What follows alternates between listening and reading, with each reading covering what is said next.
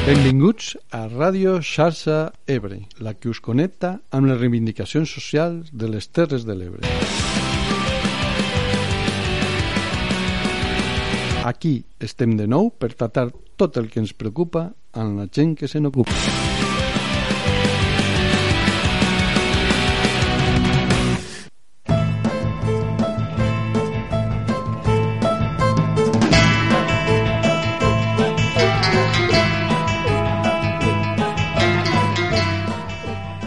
Bon dia i bona hora, bona gent. Com sabeu, en aquest programa anem a la recerca d'experiències socials interessants per poder explicar-vos. I des de l'àmbit de lo social també hi ha una part que no hem d'oblidar, que és l'econòmica. Parlem, doncs, d'economia social avui.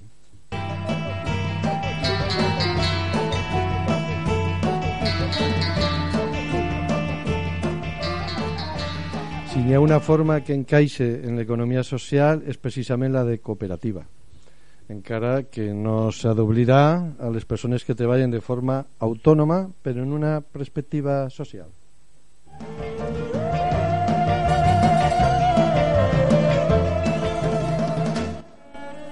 Per això, avui tenim a l'estudi a representants d'una cooperativa, la cooperativa Terran de la Sènia. Ells ens explicaran mm, en què consisteix, què és el que fan. Ells són Eli Bermúdez i David Recha. Benvinguts. Perdó, David Recha, ho he dit malament, David Recha és l'altre convidat, continuo dormit, perdoneu, i això que no vaig anar hasta les tantes de Carnaval, que si no, no sé què seria. Bé, Eli Bermúdez i Rubén Prades vale? que venen de la cooperativa Terran. Benvinguts els dos, gràcies per venir. I d'altra banda tenim a David Recha, ara sí, que és un pallès artesà que no utilitza químics i que ve des del Pinell de Brai. Benvingut, David. Gràcies. Molt bé, mm, ara que ja hem dit els vostres noms, comencem a la presentació de debò, que és que expliqueu vosaltres dos primer en què consisteix la cooperativa vostra. Bueno, bon dia. Mm, Cooperativa Terram és un projecte que naix de, de, la, de voler cobrir dues necessitats que veiem aquí al territori. La primera és la manca de relleu generacional eh, i com podem donar valor a l'agricultura a partir d'ocupar persones eh, treballant al camp. I la segona és el col·lectiu de, de persones que nosaltres busquem ocupar són col·lectius de risc Eh, quan parlem de risc parlem de, de persones que es troben en risc d'exclusió laboral i social i bueno, dins d'aquest col·lectiu que és tan ampli que són persones amb, amb característiques diferents i que per situacions eh, ja sigui personals o socials o de procedència no tenen les mateixes oportunitats que pot tindre una persona mm, que se desenvolupa en un context més normalitzat. I clar, com és un col·lectiu tan ampli vam, perdó, vam pensar centrar-nos en el col·lectiu de discapacitat i de problemes amb salut mental perquè pensem que són els que més dificultat poden tenir a l'hora d'inserir-se llavors eh, la, el treball a la cooperativa pues, consisteix en donar un suport a aquestes persones emocional i un acompanyament a través del treball de, en el camp. Perquè el treball al camp pensem que pot ser una bona eina també per a, per a, per a treballar-se una mica personalment doncs perquè és una, o sigui, estar en contacte amb, natural, amb la naturalesa, se pot fer un bon acompanyament, hi ha diferents tempos que estan molt ben marcats no? de quan s'ha de treballar quan és la temporada, quines són les tasques que s'hagin de fer i bueno, concretament nosaltres treballem amb, amb el cultiu i el conreu de l'olivera que crec que no ho havia dit. Important. Sí, important. Bueno, ja sabem que al nostre territori l'olivera pues, és molt present, hi ha molts de camps i moltes finques. I llavors el nostre objectiu final és poder produir oli d'oliva verge i bueno, eh, este serà com el producte final, no? però que l'important també és tot el procés que s'està fent per a poder aconseguir aquest producte.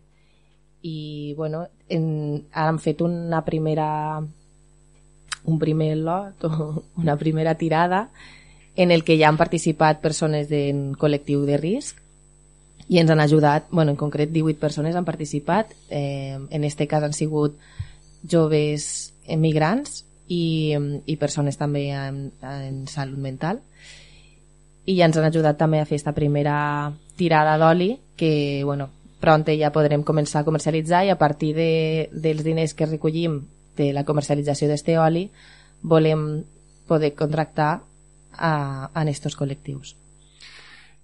Tinc entès, corregim-me si no és cert, que ho vau fundar cinc persones joves a l'octubre del 2021. Sí.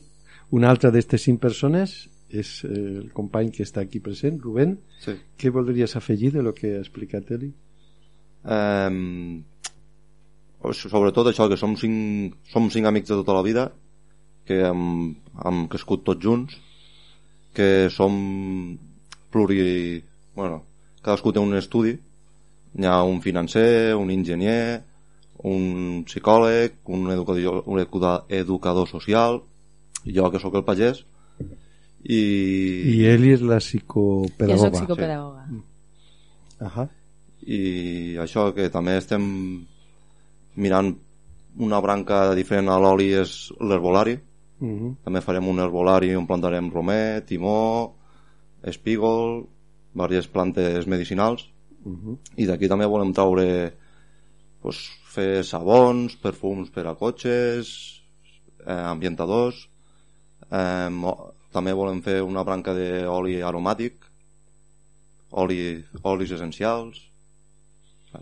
I com va la feina en aquesta gent així que heu dit que definiu com a vulnerable tot el que dies Eli? Mm, us heu pogut entendre bé? Heu tingut algun tipus de problemes? Com, com funciona en la pràctica?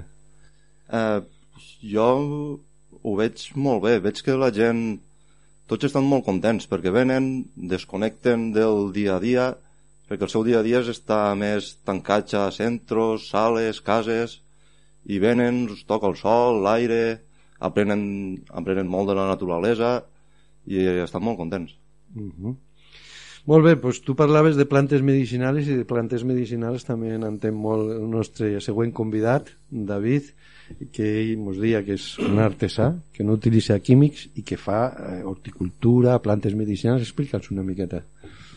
Bueno, jo aquest projecte el vaig començar fa 11 anys, que vaig comprar una finca al Pinell, i el que em dedico a fer actualment i amb del procés de tots aquests anys eh, produeixo, he recuperat moltes llavors de la zona, tinc el meu propi banc de llavors i llavors eh, em produeixo el planter eh, faig la verdura i ara ho he deixat de fer però feia cistelles de verdura durant bastants anys i ara una mica el que estic fent és fer amb totes aquestes varietats sense cap producte químic a l'hivernacle ni res, tractament zero, controlo les enfermetats amb la ventilació, mm -hmm. doncs és, estic fent planter doncs, per la gent que vulgui buscar l'autosuficiència doncs, del seu hort i també eh, estic connectat amb els pàmies i faig eh, molta, molta planta medicinal per planter també, amb testos i... Li portes amb ells? La, no, no, ho venc jo a casa. Ho veus tu. Uh -huh. A vegades, a l'any de la pandèmia, ells van tenir un fallo amb, amb, amb, amb la plantació de l'artemisa nua, que és una planta pues, que és un potent antiviral, i em van comprar la meva. I, llavors, doncs, a part de tot això, doncs també eh, eh, tinc a casa una petita col·lecció d'arbres fruiters, de varietats antigues, tinc poder unes 18 varietats de raïm de taula, també, tinc, el que tinc és molt material genètic. I llavors també eh, eh, faig oli d'oliva el qual m'he centrat també a recuperar tots els arbres espontanis que surten, que jo li dic silvestres, i llavors, perquè aquí n'hi diuen bord, però això de bord sona com una mica així, no. ets un bord, no? I llavors prefereixo parlar d'arbres silvestres i, evidentment, cada... aquests arbres han estat plantats pels ocells, n'hi ha a la roca, n'hi ha als, als marges, en els propis bancals on hi ha faltes, i més o menys allà on han crescut els deixo créixer perquè considero que un arbre que neix de llavor doncs és molt més resistent i després evidentment doncs, faig oli no sé, amb més de 10 varietats d'olives perquè cada, cada un és Mm, tu, diferent. tu diries que fas una agricultura tradicional, no industrial. Perquè, No industrial. Perquè la industrial, què li veus a la industrial? Home, jo veig que eh, industrialitzar els pagesos ha sigut l'error més gran que s'ha pogut fer, no? perquè mm, parlem de la pagesia i la pagesia són unitats familiars que cultiven trossos de terra i no cultiven grans hectàrees i llavors eh, vivim en un món en el qual pues, s'està industrialitzant tot i penso que la natura no es pot industrialitzar, la natura només hi cap l'artesania. I si volem un bon producte per molt segell ecològic que tinguis i per, si fas moltes hectàrees de lo mateix estàs creant un desequilibri. I llavors jo crec en la biodiversitat i això s'aconsegueix a través de l'artesania que a la vegada dona molts més llocs de treball Uh -huh, molt bé, doncs molt interessant. doncs ara que ja coneixeu una mica els nostres convidats, eh, els que ens seguiu per Instagram Live ara desconnectarem, però podeu seguir per directe.sasaebre.net on a sota del reproductor teniu el xat per a fer les preguntes o comentaris als nostres convidats d'avui. I esperant això, que ara engegarem en ells la conversa, debat, us deixem de moment en Terra per Sembrar, una cançó en la que va intervenir bastant gent, entre ells alguns que ja han sortit en aquest programa, Montse Castellà, Seis Freixes, per exemple. Tornem de seguida. No oblideu, directe.sasaebre.net plenes de vida, muntanyes i valls, lliures al llarg dels anys. Un poble batega entre roques i estanys, amb l'horitzó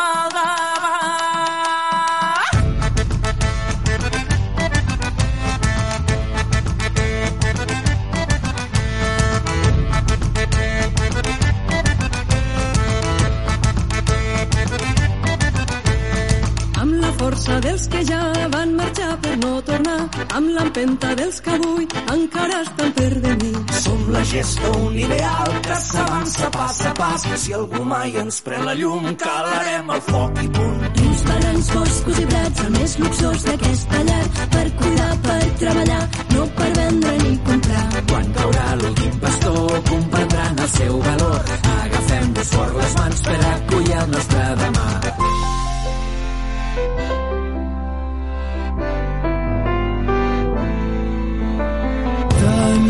La llavor, tenim la llavor. I la terra per sembrar,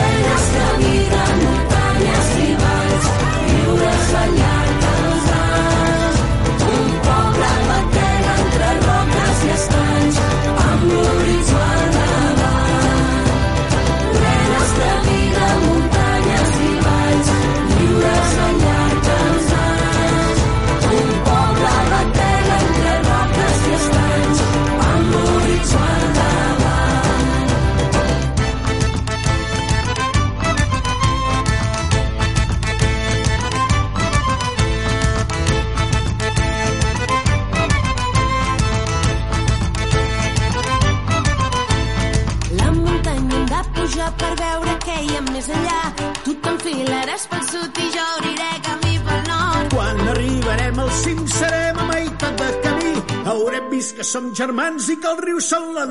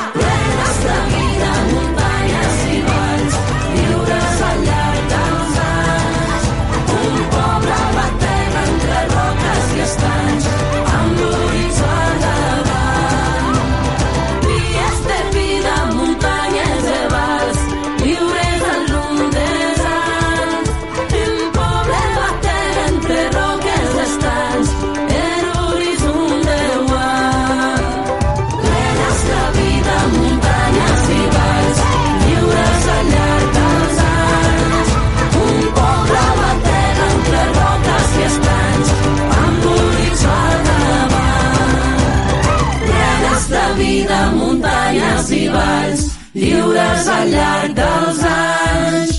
Un poble batega entre roques i estanys, amb l'horitzó al davant. Bé, eh, com parlàvem abans, realment l'agricultura industrial, l'enfocament del sistema socioeconòmic en el que estem, ja hem vist on pot conduir i per això estem avui parlant d'una nova visió, d'una nova manera de treballar, una nova manera d'enfocar el treball al camp, el treball en general, però en particular avui parlem del treball en el camp. I el que us pregunto per engegar el debat és, des del vostre punt de vista, ara ja parlant més, més ampli que, el, que la vostra associació, que el teu treball en concret, David, eh, quines característiques penseu vosaltres que hauria de tenir la manera de treballar per estos temps que venen? Què és el que hauria de canviar? Eh, David ja ens, ja ens ha dit alguna cosa de que lo industrial malament, en el camp, concretament, vosaltres teniu una perspectiva social, integreu gent vulnerable.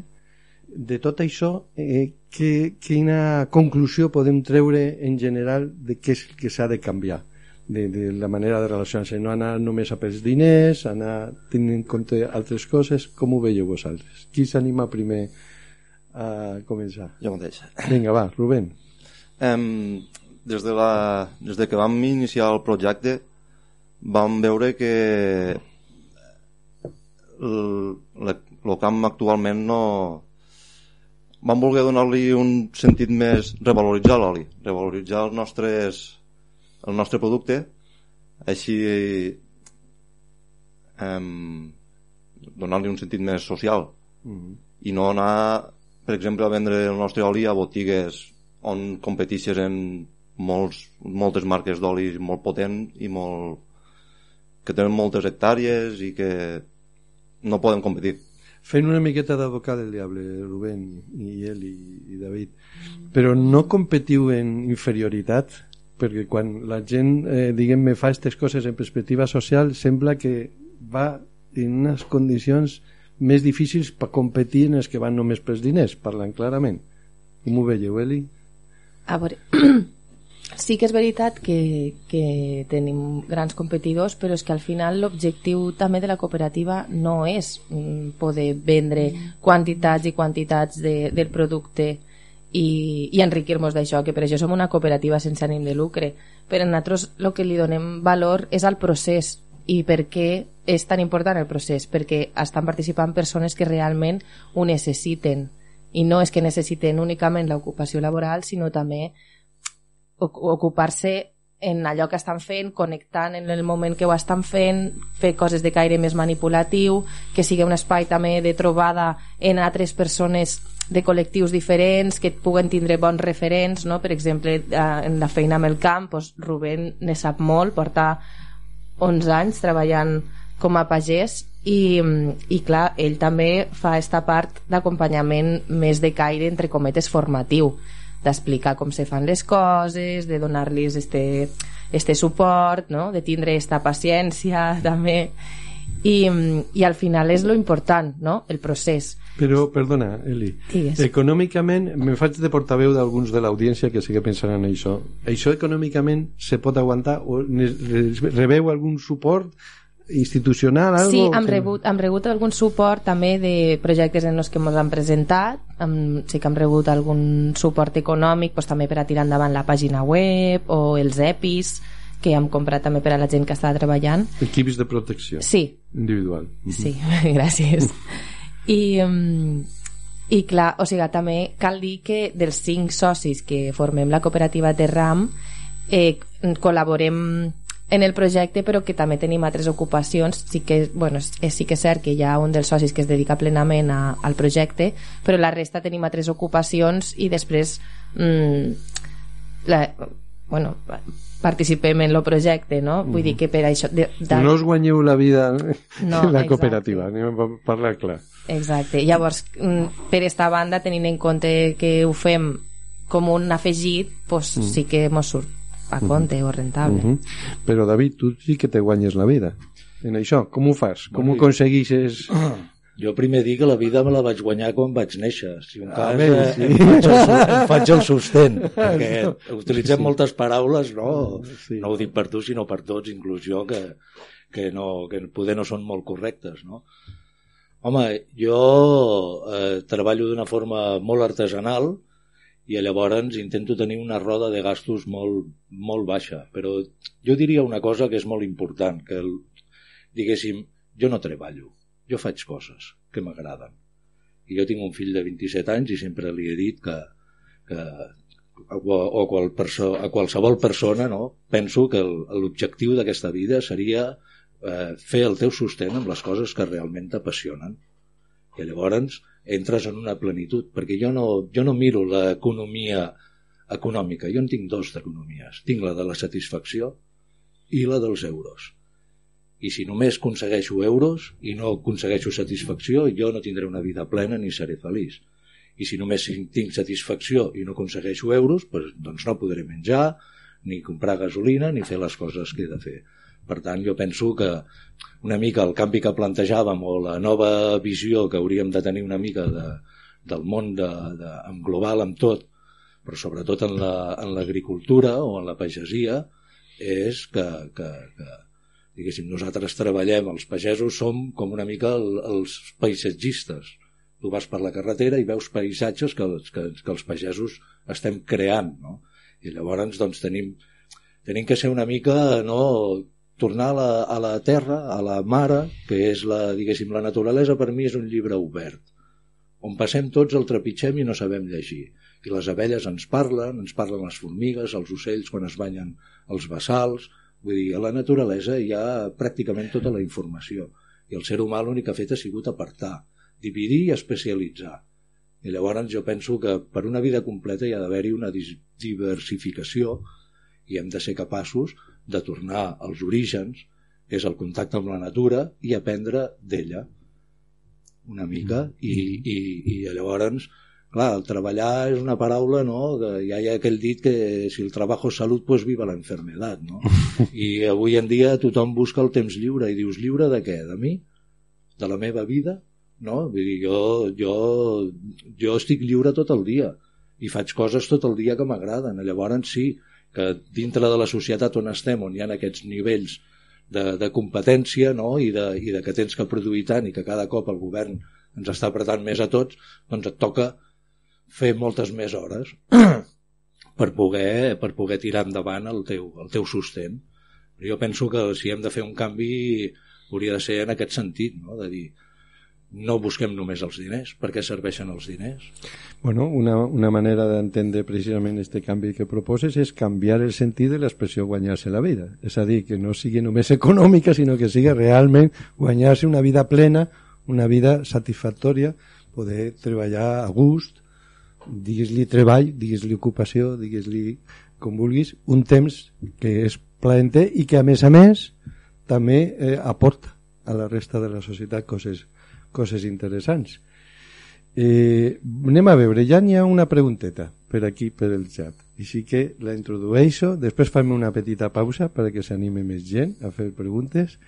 Eh, de, en definitiva, la pregunta va en la línia de lo que, de lo que estàvem parlant, que és si és, com a alternativa, és viable.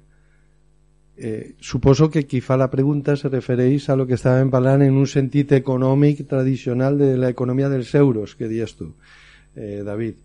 Eh, bueno, en el cas vostre ja ha quedat clar que vosaltres teniu altres professions, que treballeu en això i que després això ho feu com una aportació social que teniu algun suport. Per cert, Eli, des del punt de vista socioeducatiu he vist que vosaltres també feu formacions. Al- Alguna cosa has dit, però Sí, bueno, més que formacions han fet tallers socioeducatius eh, també als casals d'estiu, per exemple, a, a la Sènia, que fan l'Espavil.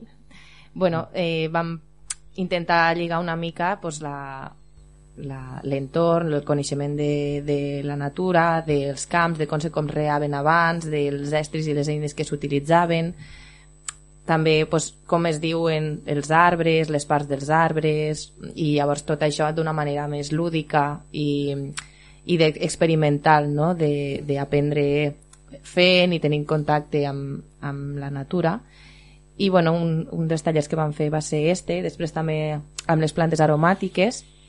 Les plantes aromàtiques que nosaltres volem també fer el, el conreu i extraure l'oli essencial són plantes del territori, el romer, l'espígol, eh, el, la, la, la... com se diu?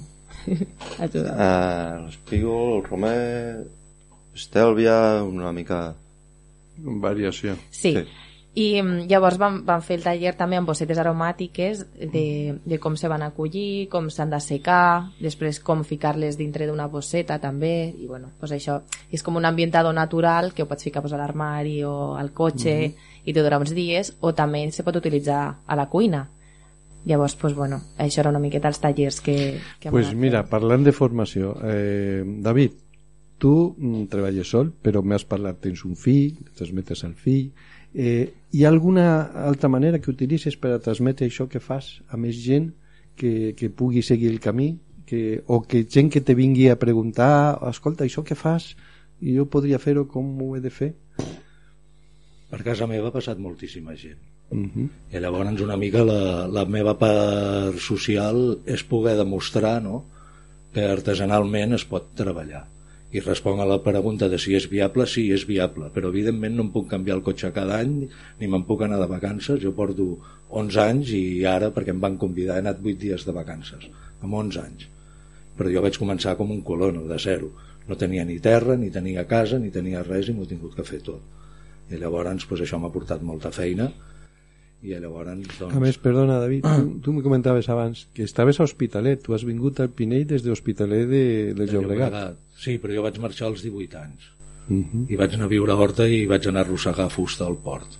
Uh I a -huh. Pauls, i vull dir que ja he estat, he sigut com una mica nòmada fins que m'he assentat.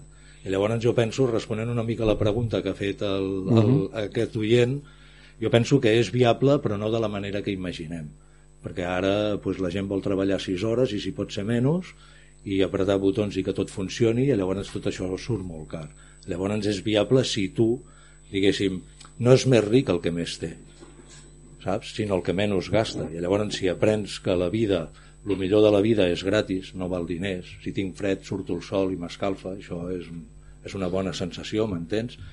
Eh, eh, i aprens a viure no en la mancança ni en la carència no? sinó en la plenitud d'una vida molt senzilla tu pots viure de pagès i pots treballar artesanalment jo tinc un tractor, tinc un Pasquali de 45 cavalls i gasta un litro i mig de gasoil l'hora no faig la mateixa feina que un altre però el que en gasta 20 o 30 l'hora o 15 no? eh, eh, proporcionalment està gastant molt més no? i a més estic aprofitant un tractor que té més de 40 anys llavors clar, jo penso que, que, que, que el econòmicament viable és depèn de doncs, on ho mirem. Si me'n vull anar de vacances a Tailàndia o a la Xina i vull tenir piscina i vull, saps, eh, fer-me moltes festes i anar a dinar cada dia als restaurants, doncs, doncs eh, sí, podem fer de pagesos però haurem de plantar pues, coses narcòtiques que són més rentables però si fem coses de menjar pues segur que no perquè el menjar he de dir que està infravalorat tenim un, un problema, no sé si és la paraula correcta, endèmic, no? que ve de molt, de, de molt de, és ancestral aquest problema i el menjar no es valora, la gent es gasta. Hi ha gent que em diu, oh és que el preu que tu fas jo no m'ho puc permetre, dic mira la roba que portes, no, m'acabes d'explicar que has anat a Austràlia m'entens, un mes de vacances? Doncs jo no vaig de vacances però prefereixo menjar perquè si ens posem a reflexionar eh, treu, treure un menjar amb unes bones varietats amb una, perquè no és menjar és alimentar-se. I avui en dia l'únic que fem és menjar. I això és molt més car a la societat li surt molt més car menjar químics que, que menjar artesanal encara que paguis més perquè resulta que quan menges químics et poses malalt i després això el cost, el cost de la seguretat social doncs és molt elevat. I si féssim els números ben fets que ja ho saben no? els, que, els que governen ja ho saben de què va doncs ens seria molt més rentable tindríem, no tindríem problemes d'atur no tindríem tants problemes de salut i estalviaríem un munt doncs, amb, amb, amb medicaments i, i malalties i coses perquè una mica som el que mengem i realment m'atreveixo a definir que ens estem convertint en humans de granja ara ja s'està posant de moda el pinso no? de, de, de, dels grills i dels escarbats de, del FEM i no sé quantes coses més no? i dius, socorro les coses que dius, des de lo, dona per a un bon debat. Hem arribat al, a la meitat del programa, minut 30, ara posem un parell de falquetes nostres i continuem.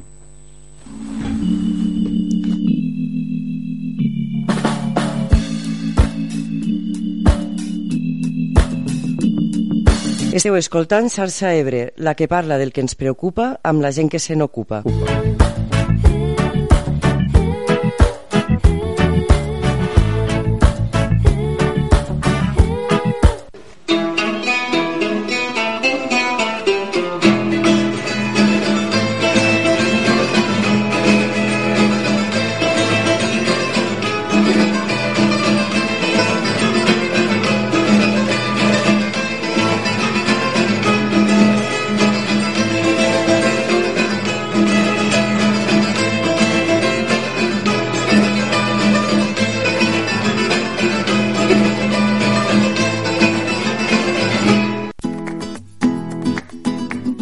Cinc temporades fent xarxa Ebre i encara no ens coneixem? Dissabte 4 de març volem escoltar als que ens escolteu.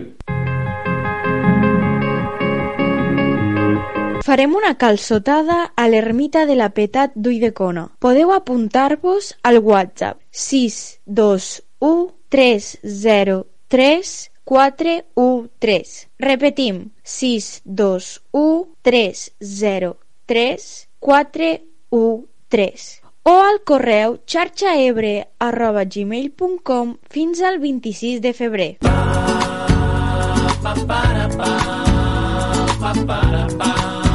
Les aportacions seran voluntàries en la mesura de les possibilitats de cada família.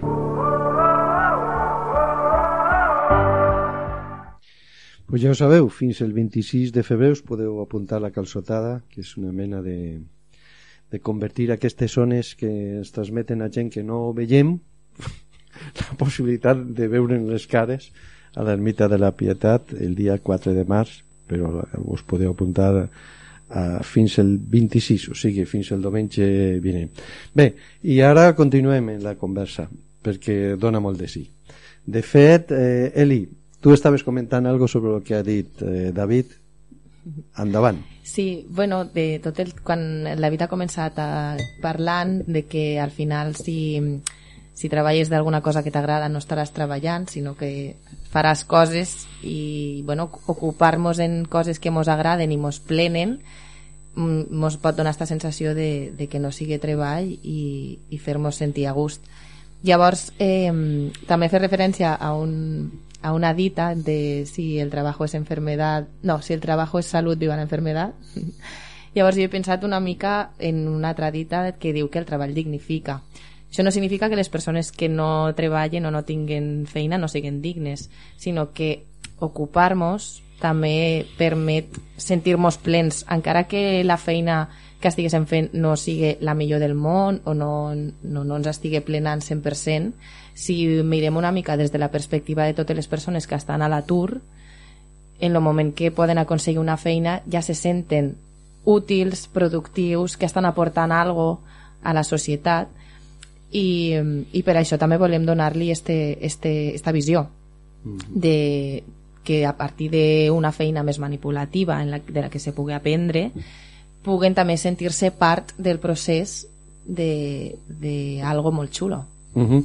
Ara que dies això de, de, de la concepció del treball, que dia David, eh, bueno, no es valora l'alimentació, no es valora com s'hauria de valorar.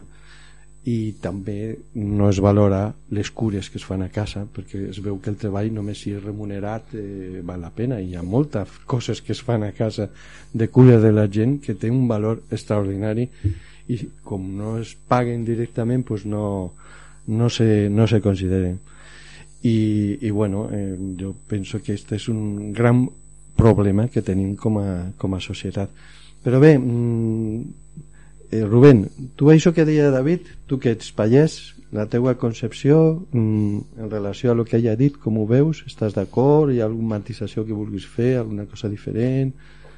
Com ho veus tu? Mm, sobre el futur de l'agricultura. Sí, sobre que, com s'hauria de fer exactament, com s'hauria de treballar. Jo, per lo que veig com a pagès actualment, és que hi ha una falta de relleu generacional molt gran. Mhm.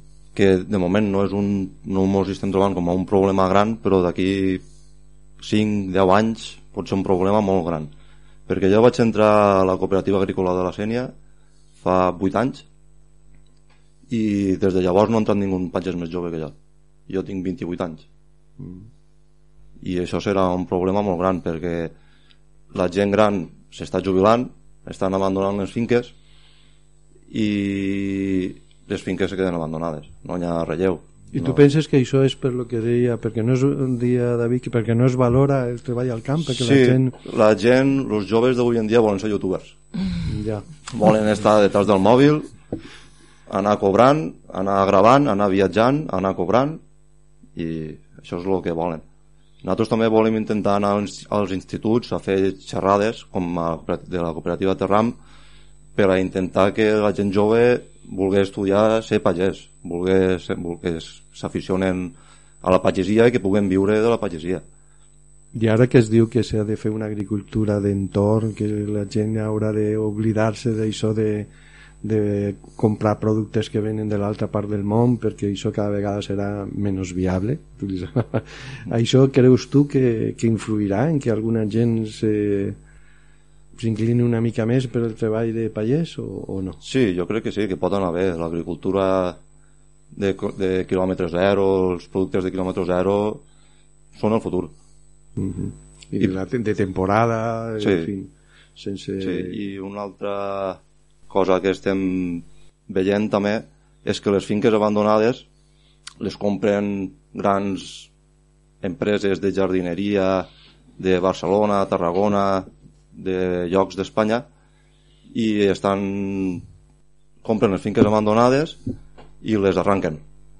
Les arranquen i després ja no les tornen a plantar. Arranquen les oliveres centenàries les mil·lenàries no, perquè per sort estan protegides però les centenàries no i les arranquen i canvien el passatge el passatge del, del Montsià Uh -huh. perquè el que són camps d'oliveres passen a ser camps de, al millor de cereal i al final qui sap si podem arribar a un punt de canviar tant el paisatge que sigui més paregut als Monegros que no a, al Montsià Uh -huh. i potser això que parlaven de que al millor mm, us haurem de fer un, una idea de que per viure bé no significa necessàriament això, canviar el cotxe cada any o poder anar-se de vacances a l'altra punta del món, etc. Això que ja ha sortit altra vegada en aquest programa per gent que ha vingut a parlar del canvi climàtic, que parlen de, de creixement i, i nosaltres diguem, vale, de creixement pot ser de creixement material, però això no significa que no puguis tindre un creixement en qualitat de vida, no, David? Evidentment. Vull dir, jo penso que el planeta el que necessita és que el deixem una mica tranquil i ens hem de convertir en consumidors eh, conscients. I consumir vol dir desgastar. Quan més consumeixo més gasto. I consumir una mica és com una forma de consolar-se les insatisfaccions. I llavors totes aquestes coses les tenim que anar canviant una mica doncs perquè si no, no, no anirem enlloc no? és una cosa que, que no sé, jo veig que la pagesia està tot enfocat cap a la industrialització ara eh, compren finques de 100 i 200 hectàrees i es posen a fer verdura i fan cols de ginestar, fan cols de Brussel·les 60 hectàrees o, o 40 de cols de Brussel·les que se les emporten a Brussel·les saps? i es fan coses no? vull dir quan vam entrar a la comunitat econòmica europea van dir que cada, de cada 10 quedarien dos pagesos. I ara eh, de cada dos ne quedaran menys perquè no volen, diguéssim, el que volen és el control de la població. I la pagesia quan està diversificada controlar tants individus és molt difícil. Llavors estan com agrupant amb grans empreses. Fixeu-vos que després de la crisi immobiliària pues les, les grans empreses i la, els grans fons financiers estan comprant terra perquè volen el poder de tenir el menjar no? i volen controlar no? que no et puguis estar fent lleis perquè no et puguis fer les llavors i llavors eh, jo penso que, que tot això s'ha d'enfocar d'una altra manera i poder-ho fer, el que he dit jo, doncs d'una forma artesanal, d'una forma familiar, I esta forma, es- este plantejament que feia Rubén del relleu generacional, tu el notes també, que hi ha aquest Sí, a mi, problema? a mi em sap molt de greu i m'omple d'alegria veure gent jove, perquè jo tinc un fill de 27 anys, no? i gent jove que, és, que està tornant a la terra. El que passa que cada cop ho posen ja més burocràcia i ho posen més difícil, no?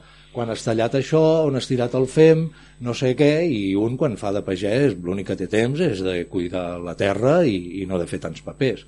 I llavors ens haurien de deixar una mica facilitar, perquè la gent jove no entra en el món de la pagesia, perquè la gent vol seguretat, i quan fas de pagès, doncs aquest any jo he perdut quasi totes les collites, i ha sigut una ruïna molt gran per mi, m'entens? I llavors la gent no vol això, la gent vol cobrar cada mes, i llavors com que no hi ha un valor del producte que tu fas no està valorat, estan més valorat altres coses, doncs llavors, clar, tu vas a treballar per molt pocs diners. Però per això és aquí on s'ha d'incorporar o integrar, no? que ja no es tracta de treballar i fer diners. Treballar, treballar i fer molts diners per després haver-te de consolar perquè fas una feina que no t'agrada i te'ls gastes tots una altra vegada consolant-te, sigui amb el que sigui, de vacances, de festes, anant a dinar por ahí, m'entens? Si tu realment aconsegueixes eh, entrar en una plenitud en la teva feina i estàs integrat a la naturalesa, que per mi pues, és, un, és, un, és, un, és un bon mestre de, de lo que nosaltres som part d'ella, no? I diuen el medio ambiente, dic, pues serà entero, no? Com va a ser medio, no? pues, pues, no sé, jo penso que el secret està aquí, en canviar la nostra mentalitat i evidentment com que ens han venut que és més, és més és, hem de tenir temps lliure per poder divertir-nos i ser feliços llavors la gent no vol treballar i la gent vol la seguretat i l'únic segur és que morirem tots, l'altre és molt relatiu. I tenim una altra pregunta, que és una pregunta estrella, perquè sempre, sempre surt. Sobre les relacions en l'administració, com haurien de ser les institucions en l'administració en aquest tema, perquè tu ja deies, massa burocràcia, o sigui, en jo de facilitat, de vegades el que fan és dificultar. Però vosaltres, per altra banda, ens expliqueu que heu tingut suport per alguna de les, suport per alguna de les coses que feu. Aleshores, va, eh, parleu. Quina, quin és el paper que haurien de tenir en tot això les administracions, les institucions, què és el que no fan bé, què és el que fan bé, què és el que haurien de fer millor. Bueno, eh, bueno, nosaltres també hem rebut aquest suport perquè també estem una mica pendents de totes les ajudes, subvencions que van sortint eh, i i una mica revisant eh, pues, los requisits que te demanen no? o, o tots los, totes les coses que... Tota la paperassa, Exacte. parlant clar. tot el tema més burocràtic i, mm, i bé, sí que és cert que pot, te poden donar aquestes ajudes o hi ha certes partides de, de, orientades cap aquí però sempre i quan complisques estos requisits no? pues, a lo millor mm, que que tingueu tantes persones ocupades en menys de tant temps perquè si no, mm, estos diners los heu de retornar. O que us haguéssiu gastat estos diners amb això en concret no? I llavors, clar, has d'estar una mica pendent de justificar totes les coses bé que no se sortiguen dels temps que t'han marcat. Però però bueno, llavors mm, sí, jo penso d'altra banda que, que quan donen aquestes ajudes tampoc saben ben bé cap a on estan orientades ni què és el que s'està fent amb aquests diners no? i després per altra banda pues, està la, estan les persones que a lo millor treballen de manera autònoma i, i diferent no? intentant no tenir esta part tan burocràtica que clar, si no complissis estos requisits no tens estos suports Mhm. i no tens les facilitats que, que te poden oferir llavors és complicat Tal vegada, per lo que dius, m'està venint al cap que, clar, si una persona ha de preocupar-se, vosaltres perquè sou un grup i, i podeu tenir temps, però una persona que treballa de pagès ha de preocupar-se d'anar a buscar clar, diguem on està Clar, clar. tota la paperassa i que tal, pues la veritat no és viable. Potser hauria de ser una actitud més proactiva per part de l'institució, de dir, a veure, eh, què necessiteu, que facilitar les coses, facilitar, sí. en lloc de posar traves, no? Sí, sí, perquè si, si mirem també els suports que s'ofereixen a nivell local o, o a nivell també doncs, de, de, de com- comarca o, o territorial, no hi ha tampoc un assessorament en el que te puguem de- dedicat més a, a la gent de l'agricultura, no? És com com una ocupació que estava una mica Deixada de mà. Sí, està una mica abandonada perquè s'associa també pues, bueno, a, al, al treball manual i manipulatiu i tot el que hi ha al darrere, pues, mm, este tipus de suports que poden haver, falta un assessorament. Però igual que falta un assessorament, també falta una conscienciació de, de, de la societat de la importància que, que té esta feina, no? com dia aquí el company abans. I això també és perquè no, no s'ensenya ni a les escoles, ni... Però mira, us contaré una cosa personal. Jo un temps vaig treballar en investigacions agràries, Institut d'Investigacions Agràries. Uh -huh. I se suposa que les investigacions que es feien allí, que eren d'adequació de varietats a tipus de terreny o tipus de clima, etc. Això passava una cosa que es deia extensió agrària. I l'extensió agrària és la que se suposa que havia d'informar d'això a, a la gent de camp, als pagesos, gent. Però és, després vaig comprovar que aquesta última baula no acabava de funcionar. No, no arribava aquesta informació, no? Estava una mica desconnectada. No sé com funcionen els vostres terrenys, l'extensió agrària o el que haya substituït això actualment. Per exemple, David, allà a la Terra Alta hi ha un suport, diguem una informació satisfactòria sobre... Bueno, jo crec que el govern, més que informar, no dona informació directament. Per això ens fan falta tants gestors i tantes coses. Tu vas a preguntar alguna i ningú sap res. No? Vull donar-me d'alta com a pagès. Que, que, quins requisits necessito? I em diuen requisits? Quins requisits? Dic, no sé, tenir un oliver, tenir-ne mil, començant per aquí i amb tot el de més. I llavors jo penso que no hi ha, no es dona la informació. En aquest país no hi ha a nivell burocràtic, però ja no només de la pagesia, de tot, no hi ha informació. Tu fas les coses amb tota la ignorància i després et comencen a venir inspectors i et comencen a multar si no ho has fet bé. I si no ho has fet bé ha sigut per la teva ignorància. I llavors jo veig que aquí hi ha una, una carència molt gran no? i jo, pues, per què s'ha de subvencionar l'agricultura? En què se pagués bé estaria... La solució seria que això, no, com quan un fabrica un got o un cotxe o el que sigui, diu això m'ha costat tant i val tant, per què me'l menjar no? Saps? A mi m'ha costat fer tant això, clar, depèn després de com ho faci no sé què, però és que a sobre tenim el risc afegit de que treballem amb el clima. I llavors, com estem veient, no, doncs cada vegada es complica més tot. I els monocultius i les grans extensions doncs porten monoplagues i la globalització ens ha portat coses de tot el món que per una banda pot estar bé però per una altra doncs comencem a tenir no? i fer bajoca cada cop és més difícil.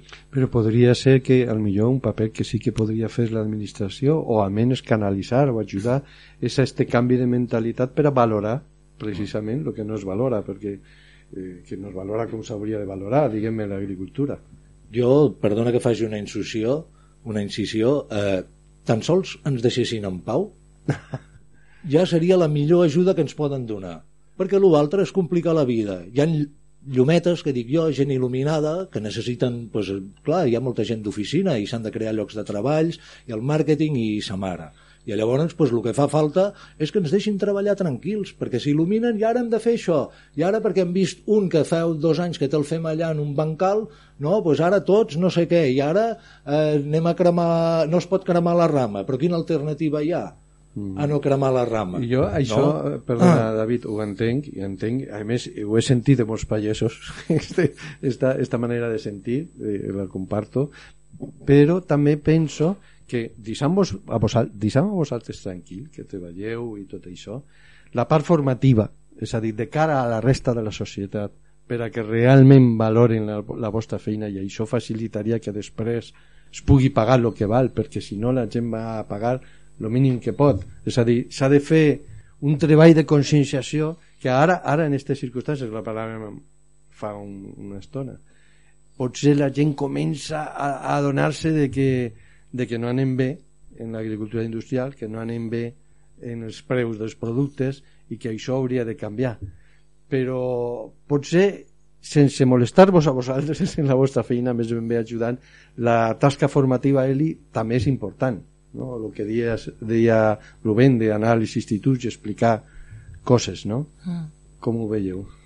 Bueno, nosaltres pensem això, que, que hi ha molt de desconeixement a, a nivell general de lo que és l'agricultura i el treball al camp i el que implica i, i bueno, jo la primera, eh?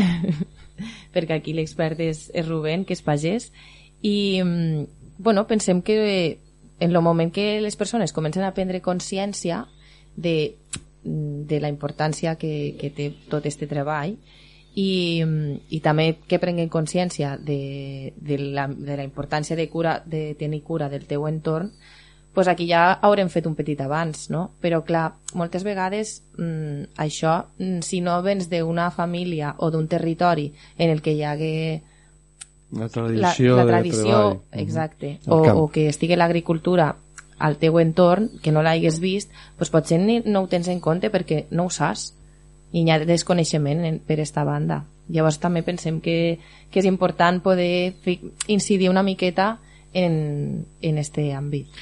Bé, eh, malauradament se mos està es- esgotant el temps. Aleshores és el moment de això que diuen en les pel·lícules, no? Que seria jo de parlar o calla per sempre.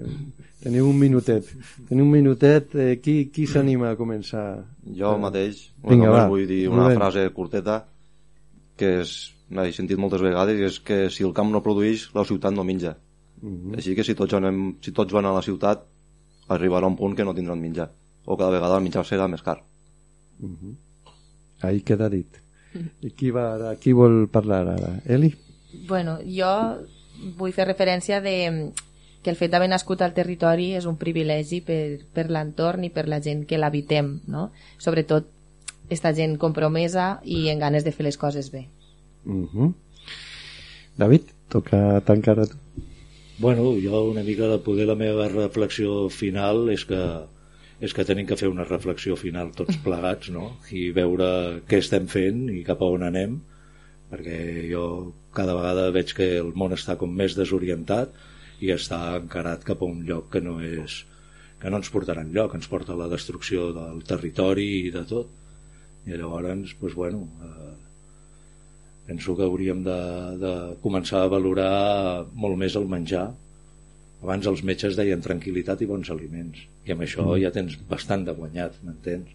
I llavors, pues, claro, és que no es fan ni els bons aliments ni amb ecològic tampoc perquè bullen, diguéssim, no ha canviat el sistema de comercialització i llavors es cull verd i madura les càmeres, que jo més que madurar diria que és un procés de descomposició, de predescomposició.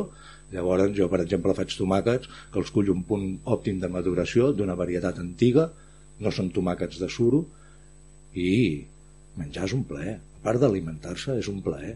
I, I en un món on, on hi ha aquesta mena de nit i dia que però sembla que ja hi ha més nit que dia doncs poder tenir tres plaers al, al dia de poder menjar bones coses i disfrutar m'entens? A mi quan em diuen David, que bons aquests tomàquets, que dolços, no? Perquè estan collits en el punt òptim de maduració, jo aquí ingresso, ingresso economia de satisfacció un munt, no? Eh, fa gràcia recordar, per això que estaves dient, David, eh, una col·lecció de gastronomia, eh, fa ja uns quants anys, que el primer número ho va presentar un biòleg, Faustino Cordón, el dia concretament, que deia que cuinar els aliments és el que ha fet a l'home com és, perquè realment menjar i compartir el fet de fer el menjar i de després eh, eh, menjar-se'l entre tots, això és el que ha ajudat a la socialització, ha ajudat a que l'espècie sigui com és. Per tant, no valorar-lo així és, és un error gravíssim, no? que bueno, esta civilització industrial ens ha fet oblidar d'on venim i potser si no ho recordem no sabem on anem o anirem a un puesto que no voldríem anar Bueno, una mica és que el menjar ha quedat com l'últim, no? Fast food, no? no? I és festa, festa fotre, seria la traducció en català, fast food, no? Vull dir, eh, hem de dedicar a cuinar, a tallar les verduretes, a posar-les a la cassola, tot això és com un ritual, tot això és com cuidar-se, com quan un es pinta els ulls o es posa crema a la pell, no? Doncs dedicar una estona a menjar, i com bé dius tu, doncs menjar socialment, compartir-ho a sobre, doncs és... Vull dir que el, menjar, per mi la meva vida és com abans, era el rebost és el centre. Ara les cases no tenen rebost. Hi ha una societat del sud d'Àsia, una cultura del sud d'Àsia que considera que els membres de la família són els que dinen junts. No és una qüestió genètica, no és una qüestió de la sang, sinó és una qüestió de compartir també l'aliment. Aleshores, eh, això en tenim molt a aprendre. Bé, eh, hem, hem arribat ja pràcticament al final. Això sí, ara us deixarem en una música de Ginestar, Estimar-te com la terra, i després farem el comiat i us direm de què anirà el proper programa.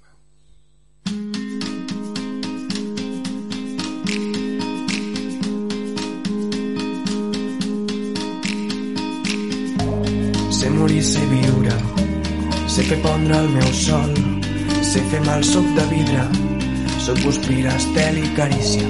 Faig del drama tres muntanyes, faig allò que tots esperen, faig i roures branques tendres, sóc el terra amb l'herba seca. I és quan dormo que hi veig clar, és la brisa i la marea, és com taronges del canà, soc tardors i primaveres, si m'ensorro fes-me runes, no m'enterris a l'arena, si és delicte no guanyar, jo no vull aquesta condemna. I per lliure vull un país, i per seure una vorera, per somiar que vens amb mi, per no perdre'm la drecera, al meu pit un cor sencer, a l'estómac papallones, a les mans fruits d'esbarzer. Jo record les tardes bones i cançons a mig desfer, el gat vell que m'ha vist créixer fer el punqui pel carrer. Treballar els caps de setmana i no veure que els feiners, estimar-te com la terra que fa viure els cirerers.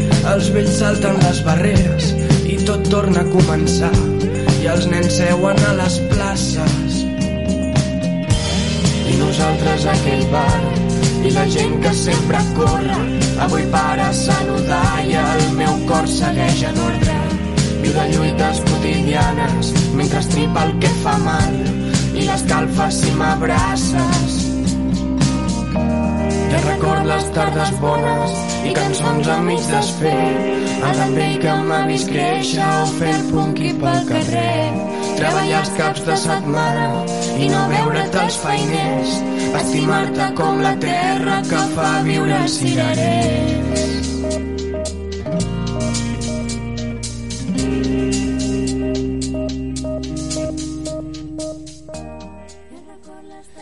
Bé, hem arribat al final d'aquest programa número 119 de sarsaebre.net. Eh, per la nostra part, volem agrair a David Recha, artesà sense químics, artesà de l'agricultura, sense químics, i a Rubén Prades i Eli Bermúdez de la cooperativa Terram, els que heu participat per, per el xat també, i a les emissores que ens retransmitiu de la part de l'equip de Sassa Ebre, de Juan Carlos Fibla als aparells i de qui us parla Vicent Prunyonosa. Però per programa eh, serà una mica curiós, perquè l'hem titulat Què volen els joves? I vindran tres joves. Vindran joves de, de Camarles, d'Ullecona... A veure, els escoltarem. escoltarem, a veure què, què diuen. Després haurem de fer, ja hem fet algú, però farem un en les persones grans també perquè tothom ha de poder dir què és el que, què és el que vol, què és el que necessita, què, és, què, hauria de canviar per a que realment tinguin una vida més satisfactòria, més plaent.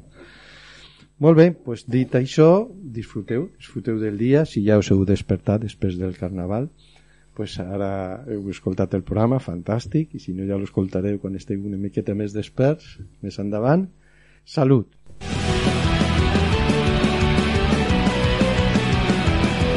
T'esperem a la propera emissió de Xarxa Ebre. Ens trobaràs al WordPress, al Gmail, Facebook, Twitter i a l'iVox. Sempre amb aquesta etiqueta, Xarxa Ebre.